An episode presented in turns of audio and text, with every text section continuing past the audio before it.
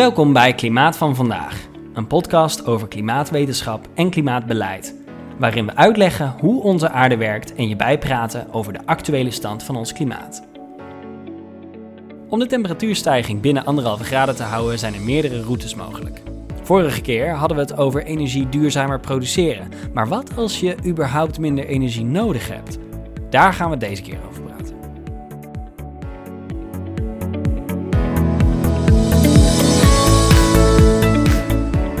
En dan eerst natuurlijk de CO2-meter.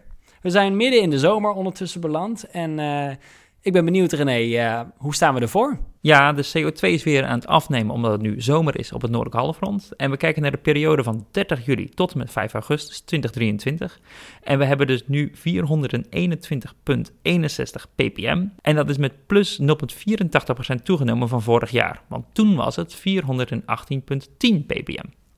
Dus we zijn nog steeds aan het stijgen en die stijging gaat vrolijk door zolang wij uitstoten. Maar daar gaan we het vandaag meer over hebben natuurlijk. En dan gaan we door naar onze nieuwe rubriek, de fenomeen-rubriek. En we hebben, misschien heb je het al gelezen, afgelopen uh, maand waren er gigantische onweersbuien en hagelstenen in uh, Italië, rondom het Gardameer. En sommige stenen die waren wel tot maar liefst 19 centimeter groot.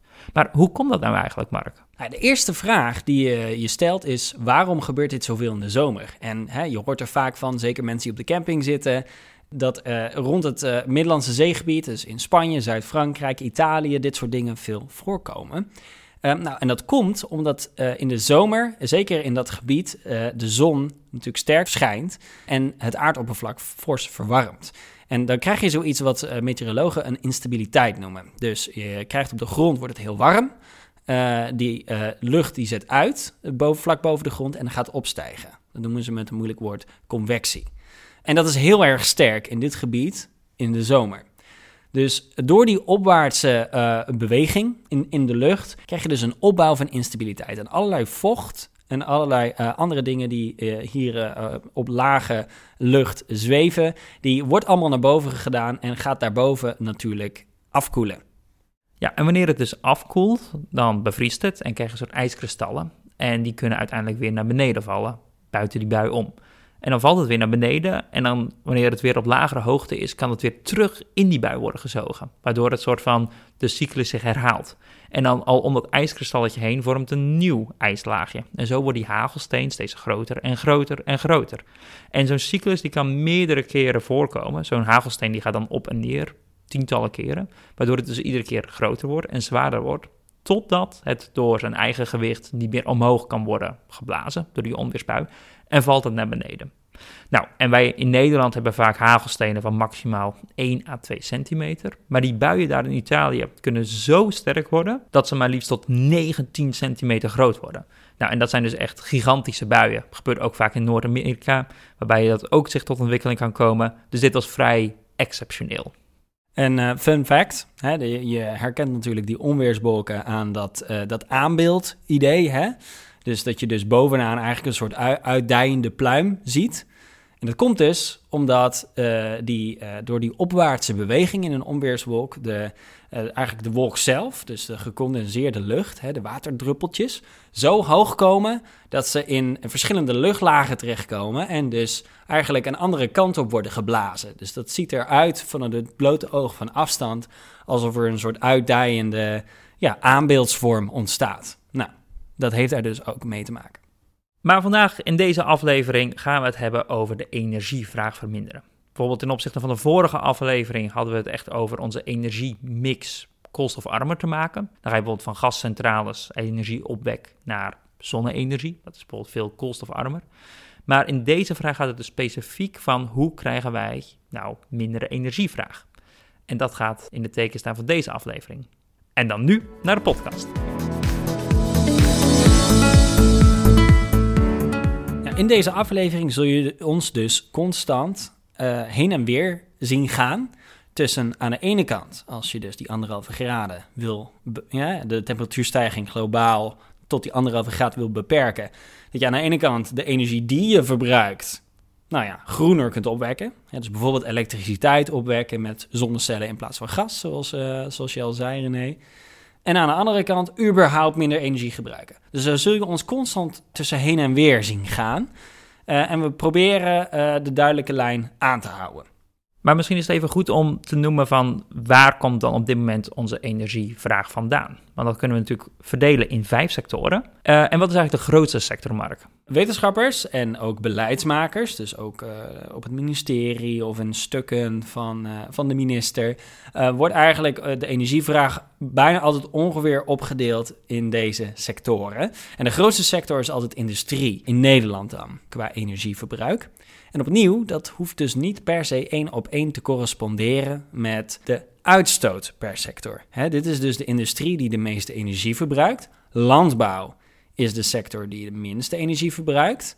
Maar naar rato heeft de landbouw wel weer heel veel uitstoot. Veel meer dan je zou verwachten als je puur kijkt naar de 6% die het maar qua energieverbruik voor haar rekening neemt. Dus nou, het zegt dus niet alles, maar we hebben deze aflevering over energie en dan is industrie de grootste sector. Nou, dan heb ik nu uh, de sector met de meeste energievraag, namelijk industrie genoemd. De minste is landbouw. Uh, en verder heb je de gebouwde omgeving, de transportsector en de elektriciteit of energieopweksector. Uh, en die zitten daartussenin. En wat er nou precies onder elk van die sectoren valt, daar gaan we het zo meteen over hebben, want we gaan netjes één voor één door deze sectoren. Ja, en dan kijk je bijvoorbeeld ook naar het totale energieverbruik van al die sectoren samen. Dus gewoon over Nederland, hoeveel energie consumeren wij nu met z'n allen? Dus industrie, gebouwde omgeving, landbouw. Dan zie je sinds 1990 dat onze totale energieverbruik niet zoveel lager is geworden. Dat is maar met ongeveer zo'n kleine 10% afgenomen sinds 1990. En dat zijn dan de projecties voor 2030. Dus je ziet ook al dat wij, zelfs als samenleving altijd energie nodig hebben. Onze energie gaat niet naar nul toe, zelfs wanneer wij volledig energie-neutraal zouden zijn. Dus dat is altijd goed om je achterhoofd te houden. Energie hebben we nodig en dat verbruiken we. Maar hoe we dat opwekken, dat is natuurlijk weer in aflevering 1, hebben we dat besproken, de impacts daarvan op het klimaat. En toch is het, en dat is de aanleiding voor deze aflevering, interessant om te kijken hoe kunnen we dan, ook al blijft het misschien zelfs wel toenemen, uh, globaal gezien, uh, de, de energievraag, hoe kunnen we alsnog zo zuinig mogelijk met onze energie omgaan? Hè? En uh, dat is de aanleiding voor deze aflevering. En dan beginnen we met de elektriciteitsproductiesector. En met deze sector hebben we het meer over de productie van per energiebron dan echt de totale hoeveelheid energie daaruit vrijkomt. We hebben in de vorige aflevering besproken dat je bijvoorbeeld elektriciteit kan opwekken met aardgas. En dat kan je dus verduurzamen naar zonne-energie. En dan ben je eigenlijk aflevering 1 aan het bespreken. En dat is niet de crux van deze aflevering, want we gaan namelijk naar het energieverbruik kijken. En een mooie tweede sector waar dit wel goed kan worden besproken, is namelijk de industrie. Nou, en pak je bijvoorbeeld nu even de industrie erbij. Die gebruikt in Nederland 40% van de totale energieverbruik. En daar komt ook 40% van alle emissies vrij. Ja, dus de energie is, uh, zoals, uh, zoals je al zei, René, een, een hele grote, omvattende sector. 40% van het energieverbruik. En daarom is het handig om een beetje structuur in zo'n grote sector aan te brengen. Heel veel verschillende dingen vallen eronder. En eigenlijk een eerste verschil die je kunt aanbrengen is in het energieverbruik in de industriesector is waarin energie wordt verbruikt puur als energiebron. Dus bijvoorbeeld als er ergens warmte nodig is of als er elektriciteit nodig is of wat dan ook. Of als energie wordt verbruikt dat in grondstoffen zit. dus, eh, en waar die grondstoffen soms ook gedelft of chemisch geproduceerd moeten worden. Zowel energiebronnen als grondstoffen, die worden ja, in verschillende subsectoren van die hele grote industriesector gebruikt, die experts eigenlijk opsplitsen in subsectoren van lichte industrie en van zware industrie. En waar lichte industrie gaat dan over allerlei, uh, ja, letterlijk ook lichtere consumptiegoederen, die over het algemeen makkelijker zijn om hun uitstoot te verminderen. Eh, waar ook al bestaande technologie is om minder uitstoot voor diezelfde goederen te krijgen. En zware industrie, waar letterlijk zware grondstoffen voor nodig zijn. Uh, maar ook die typisch uh, onderdelen van de industriesector zijn, waar je moeilijk de uitstoot vandaan haalt. En kan je bijvoorbeeld eens een paar voorbeelden noemen van de lichte industrie? Zeker. Dus een voorbeeld is bijvoorbeeld papier, de papierindustrie. En dat is een interessante, omdat er niet per se hele ingewikkelde processen uh, bij komen kijken die sowieso heel veel uitstoot hebben. Uh, maar die wel in de context van deze aflevering, we hebben het over energieverbruik, uh, heel veel warmte nodig hebben om in het drogingsproces van het maken van papier. En daar ligt dan ook de uitdaging van de papiersector. Ook al is het lichte industrie, is het, een, nou ja, is het een sector waar ze dus veel bezig zijn met hoe kunnen we dat drogingsproces energie lichter maken, om het zo maar te zeggen. Dus daar zou je inderdaad wat kunnen winnen. Ja, en je hebt het natuurlijk over warmte, maar bijvoorbeeld bij staalproductie komt volgens mij ook gigantisch veel warmte bij kijken. Zeker, ja, dat hebben we natuurlijk met die hoogovens. Hè? Uh, Tata Steel is overigens uh, eh, 8% van de totale Nederlandse CO2-uitstoot. Dus dat zegt ook wel wat. Hè, daar is een hele hoge temperatuur voor nodig. En er zit ook nog eens het proces, het proces bij dat je met koolstof de ijzer uit ijzererts haalt, waar automatisch CO2 bij vrijkomt. Ja, want dus bij de productie van staal, wat je dus zegt, zijn hoge temperaturen nodig. En er zijn soms ook alternatieven. Maar ja, dat is toch nog een beetje technologieën die in hun kinderschoenen staan. Is er bijvoorbeeld een andere manier om echt de vraag van staal te verminderen? Ja, dat is dus heel lastig bij die staalsector. En dat komt omdat staal natuurlijk in heel veel dingen gebruikt wordt. Uh, machines, transport, uh, maken van gebouwen, et cetera. Dus dat is iets waar beleidsmakers mee te dealen hebben. Een manier waar mensen ook wel aan denken, en dat wordt ook bijvoorbeeld in de, in de cementproductie speelt het bijvoorbeeld ook. Hè, dat is ook een subsector van industrie die lastig is, waar, waar die, die vraag lastig is te binden. Is dus dat mensen denken aan vormen van recycling. En dat is lastig, dus bijvoorbeeld uh, bij gebouwen, hè, dus uh, cementproductie en zowel staal ook, wordt ook wel natuurlijk voor gebouwen gebruikt zitten mensen te denken van... oké, hoe kunnen we oude gebouwen zo slopen op een bepaalde manier... dat we nog resten van, uh, nou ja, van de rubble kunnen gebruiken in nieuwe gebouwen. Ja, dus dat, dat zijn manieren om... ja, dan hoef je het niet nog een keer op te wekken... Uh, die energie, dus dan verbruik je die energie minder. Dus dat is in wezen een manier om die vraag te drukken. Als ik het inderdaad gewoon moet samenvatten, we hebben ontzettend veel energie nodig voor de opwek van deze producten. Maar omdat de vraag ook zo torenhoog blijft, is het dus heel moeilijk om deze vraag van de industriesector te verminderen in de loop der tijd. Ja, ja. En je ziet hoe vraaggedreven het is als je bijvoorbeeld kijkt naar cement. Hadden we het net heel even over. Klein voorbeeldje, in China had je een vastgoedcrisis in 2022. En China is de grootste cementproducent van de wereld. Met 51% van de globale productie van cement. En daar zag je, dat zie je dus ook direct terug in het, uh, in het wereldwijde plaatje van, uh, van de industrie-energieverbruik. Maar goed, dan denk je, hé, hey, dat is leuk, dat gaat een klein beetje naar beneden. Vervelend natuurlijk uh, die vastgekozen voor China, maar, maar ja, je ziet heel veel andere landen zie je hard aan het toenemen. Hè? Dus er worden steeds meer gebouwd, zeker in ontwikkelingslanden. dus die vraag, dat gaat een heel groot probleem worden in de industriesector. Ja, en dat is eigenlijk een mooi bruggetje naar de tweede sector, want er wordt heel veel gebouwd. Ook in Nederland hebben wij een woningtekort. Er moeten allemaal panden uit de grond komen. Nou ja, dat heeft natuurlijk ook de nodige emissies en het energieverbruik. Maar hoe zit dat in de gebouwde omgeving, Mark? Ja, hele goeie, want uh, dat klinkt natuurlijk ergens als een hele concrete sector. Van ja, gebouwen, dat snap ik. Maar hoe zit nou het, het energieverbruik van de gebouwde omgeving? Wat valt daar nou eigenlijk onder? Waar moet je dan aan denken? Eerst misschien even wat cijfers. 24% van het Nederlandse energieverbruik is uit de gebouwde omgeving, maar 30% van de emissies. Dus je ziet dat dat ook al niet volledig synchroon gaat, hè? energieverbruik en emissies. Vaak wel, uh, maar dat is weer dat onderscheid tussen deze en de vorige aflevering. Maar goed, over die sector, wat valt eronder? Eén, de eerste die ik eigenlijk wil noemen is uh, de meest concrete, is verlichting. En natuurlijk, als jij je lampje aandoet, verbruik je energie.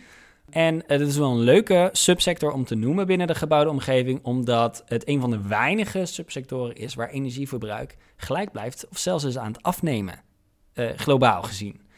Uh, en dat zit zelfs uh, door de, de internationale energiegemeenschap. wordt dat gezien als dat dit, deze subsector richting die anderhalve graad gaat, dus op koers ligt. Dus dat is interessant. En het gekke is, de wereldbevolking neemt toe. En je zou zeggen dat mensen misschien even slordig zijn met hun lampjes als vroeger. Dus waar zit hem dat in? Nou, dat zit hem in onder andere efficiëntieslagen van de, het lampgebruik zelf. Hè. Dus waar vroeger de gloeilamp heel wijd verspreid was, dat werkt via warmte. dus omdat er een klein stukje metaal heel warm wordt, gaat dat gloeien. Wordt, warmte is ook een vorm van energie, dus heel veel ja, energie gaat eigenlijk verloren. dus in die warmte wordt gewoon, gaat gewoon weg. Nou ja, werd veel vervangen door TL-lampen. Uh, dus uh, ja, fluoriserende lampen noemen, noemen, ze dat dan. En dat wordt steeds meer uitgefaseerd richting de LED-technologie. Dat een veel en veel efficiëntere manier is om energie te verbruiken. Dus uh, dat is ja, een van de drijvers van de, het energieverbruikvermindering van de verlichtingssector. Dit is een sector die ja, toch onder dat anderhalve graad niveau blijft. Maar het wordt ook steeds warmer. En je ziet nu ook bijvoorbeeld in Nederland steeds meer airconditionings staan. En dat is volgens mij ook een flinke, uh, ja, een flinke sector of een flinke subsector binnen deze sector. Ja, dus uh, gebouwde omgeving, inderdaad. Nummer twee is airconditioning. En airconditioning die zie je in Nederland steeds meer, precies wat je zegt. Maar je ziet het ook wereldwijd steeds meer. En een van de drijvers daarvan is klimaatverandering die in bepaalde gebieden het onleefbaar maakt als je geen airconditioning hebt. Dat is onder andere ook een uh, groot probleem, omdat airconditions ook voor warmteproductie zorgen. Het is een van de dingen die zij doen, is elektriciteit omzetten in verplaatsing van warmte, maar produceren daarbij ook warmte. Dus je ziet dat uh, zeker bepaalde steden in India, waar heel veel airconditioning is, extra opwarmen door de airconditioning. Dus dat zijn allemaal extra problemen. Maar ja, ze, um, ze zorgen ook voor een enorme verhoging van de wereldwijde elektriciteitsvraag. Maar ook voor extra piekbelasting. Dus uh, dagen waarin het uh, extra warm is, gaat in één keer het elektriciteitsverbruik fors omhoog. Nou, en we hadden het net al over klimaatverandering die ervoor zorgt dat er meer airconditioning uh, wordt gebruikt. Maar ook simpelweg doordat er globaal gezien, dus over de hele wereld, het woonoppervlak aan het toenemen is. En dus voornamelijk in ontwikkelingslanden. Dat zorgt ervoor dat je simpelweg meer oppervlak hebt dat airconditioning nodig heeft. Ja, dus inderdaad, airconditioning ligt in de prognose om te gaan stijgen. Dus het is weer echt iets wat, waarbij de energievraag juist niet wordt gedrukt. Dus dat is dus de tegengestelde richting. Ja, ja. Van, uh, ten opzichte van verlichting bijvoorbeeld, waar verlichting wel licht aan het afnemen is. Nou, dan heb je natuurlijk in een gebouwde omgeving wordt er natuurlijk ook energie verbruikt in gewoon stoken. Hè, dus verwarming, eh, oplossingen zitten richting stadsverwarming of warmtepompen die efficiënter is, eh, omgaan met energie. Onder de gebouwde omgeving valt ook nog datacenters en netwerken. Dat is ook een, een belangrijke om te noemen. En natuurlijk allerlei andere apparaten die niks met licht te maken hebben, maar wel in je huis staan. Zoals wasmachines, tv's en koelkasten. Nou, daar gaan we verder niet veel dieper op in, maar zo heb je wel een beetje een overzicht waar het energieverbruik in de gebouwde omgeving vandaan komt. En de volgende is natuurlijk waar iedereen heel veel aan denkt als het gaat om energieverbruik, namelijk transport. Ja, inderdaad. De transportsector die heeft ongeveer 13% energieverbruik.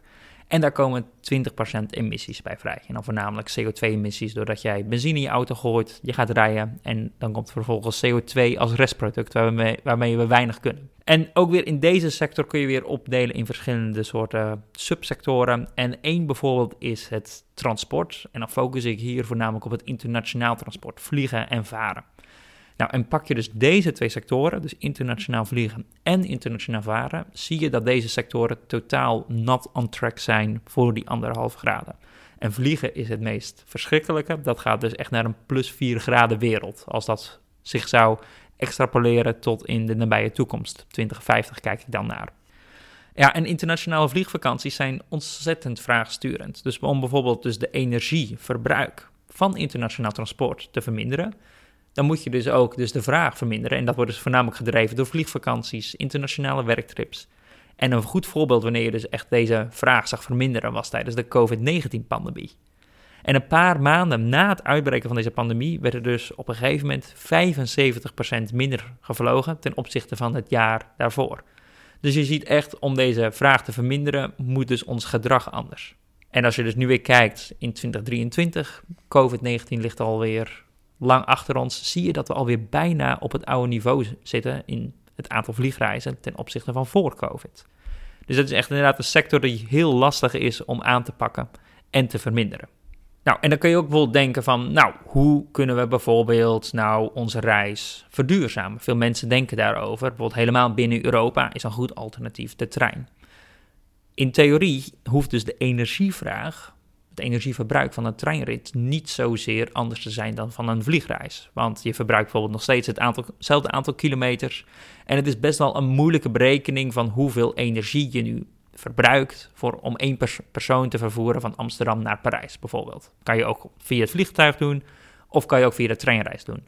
Maar we weten dat bijvoorbeeld de treinreis kan je op duurzame elektriciteit uitvoeren. Dus dan is de uitstoot zowaar minder, maar het totale energieverbruik hoeft niet zoveel minder te zijn. Daar zitten allemaal efficiëntieslagen in en dat is een vrij lastige berekening. Maar wil je nu bijvoorbeeld echt de energieverbruik bijvoorbeeld van het openbaar vervoer verminderen, kun je bijvoorbeeld denken aan carpoolen. Dus in plaats van dat twee auto's rijden en benzine gebruiken, kun je bijvoorbeeld zeggen, nou, twee mensen stoppen in één auto en dan heb je nagenoeg hetzelfde energieverbruik, maar je hebt wel minder aantal gereden kilometers. Dus dat is een hele makkelijke toepassing om het energieverbruik te verminderen. Nou, en wat we dus ook zien, bijvoorbeeld in Nederland, het totale aantal kilometers wat wordt gereden door personenauto's is een schrikbarende. Ja, ik uh, viel achter, achterover als ik dit cijfer zie. 100 miljard kilometer per jaar in Nederland. En tel je daar ook nog het vrachtverkeer bij op en andere transportmiddelen, komt het uit op 150 miljard per jaar. En om dit bijvoorbeeld te, te verminderen, want dit is veel woon-werkverkeer, kunnen we bijvoorbeeld minder gaan reizen of gewoon meer gaan thuiswerken, wat tegenwoordig al wordt gedaan. Misschien zie je al dat je collega's wat minder frequent op het werk zijn, omdat die uh, vaak thuis werken. En ook hiervan zie je weer het effect van COVID-19. Dat er dus, als je heel 2020 vergelijkt met 2019, werden er 18% minder kilometers gereden. We zagen dus heel duidelijk in de industriesector dat probleem van die vraag, hè, die dus enorm aan het toenemen is en of, of heel stabiel blijft. En in de gebouwde omgeving zagen dat dat een beetje per subsector verschilde, waar in verlichting wat minder energie werd verbruikt. Ehm, over tijd zien we dat uh, de airconditioning dus enorm aan het toenemen is. Hoe zit het met de uh, vraag in de toekomst van transport? Nou, dit is inderdaad een hele lastige, maar wel een interessante vraag. Um, en er zitten heel veel aannames in en mogelijke onzekerheden hoe precies bepaalde vervoerstypen veranderen over de komende jaren. Denk bijvoorbeeld het elektrificeren van auto's, dat wordt steeds meer en meer gebruikelijk. Maar we hebben bijvoorbeeld uh, voor vliegen hebben we wel een paar prognoses. En we zien dat het vliegverkeer waarschijnlijk verdubbelt in 2050. Dus dat is echt nog een stijgende lijn. En ook wat ik al zei, uh, deze sector is not on track voor die anderhalve graden. Dus dit is echt een hele grote uitdaging in de transportsector, het internationaal vliegverkeer. Ja, en ik kan me ook zo voorstellen dat je niet zomaar aan iedereen kunt vragen om thuis te gaan werken. Dat is, dat is, er zit iets rigides in. Dat is lastig om te controleren. En over rigide te praten, een mooi bruggetje denk ik naar de laatste sector die we gaan praten. Want iedereen moet ook gewoon natuurlijk eten. Dus de landbouwsector zal misschien altijd wel wat energie verbruiken. Ja, dat is inderdaad een mooi bruggetje, want de landbouw is ook de laagste sector qua energieverbruik, maar liefst 6%. En dat is als je dat bijvoorbeeld in, in verhouding plaatst tot de industriesector van 40% echt substantieel lager. Alleen bij deze sector komt er ongelooflijk veel uitstoot bij vrij. En dan hebben we het niet alleen over CO2-uitstoot, maar ook specifiek methaanuitstoot. Bijvoorbeeld door koeien scheten, dat je wel waarschijnlijk vaak hebt gehoord in het nieuws. En zelfs als wij alle andere sectoren in theorie, met allemaal mooie toekomstige uh, snufjes en technieken, echt naar nul uitstoot brengen, dan moeten we inderdaad, dat jij al zei, Mark, nog steeds eten. En we weten dat 25% van onze huidige uitstoot voedselgerelateerd is. Dus je ziet echt wel dat een. Ja, we, hebben gewoon eten nodig. Dus deze sector kan gewoon heel lastig omlaag. We houden altijd iets van productie en verbruik over. Dus als je nou over uh, energievraag of energieverbruik in de landbouwsector praat, waar moet je dan aan denken? Nou, dat is inderdaad een hele goede vraag. Het energieverbruik is bijvoorbeeld het, uh, het rijden van machines over je akkers. Of denk bijvoorbeeld aan de verlichting in kassen, die ook uh, naast verlichting ook warmte nodig hebben. Uh, maar ook bijvoorbeeld transport, dus energie gebruikt men ook om bepaalde producten te vervoeren. Nou, en ik noemde het al bijvoorbeeld kassen. Die gebruiken dus veel licht om bepaalde producten te groeien die hier van oorsprong in Nederland niet zouden groeien. Of niet seizoenale producten, die kun je dan ook het hele jaar door laten groeien, zodat jij heel graag bijvoorbeeld een ananas ook gewoon in de winter kan kopen in Nederland. Dat, terwijl die niet van oorsprong er is. Dus dit is bijvoorbeeld één manier om je energieverbruik te verminderen door wat meer seizoensgebonden producten en binnenlandse producten uh, te kopen.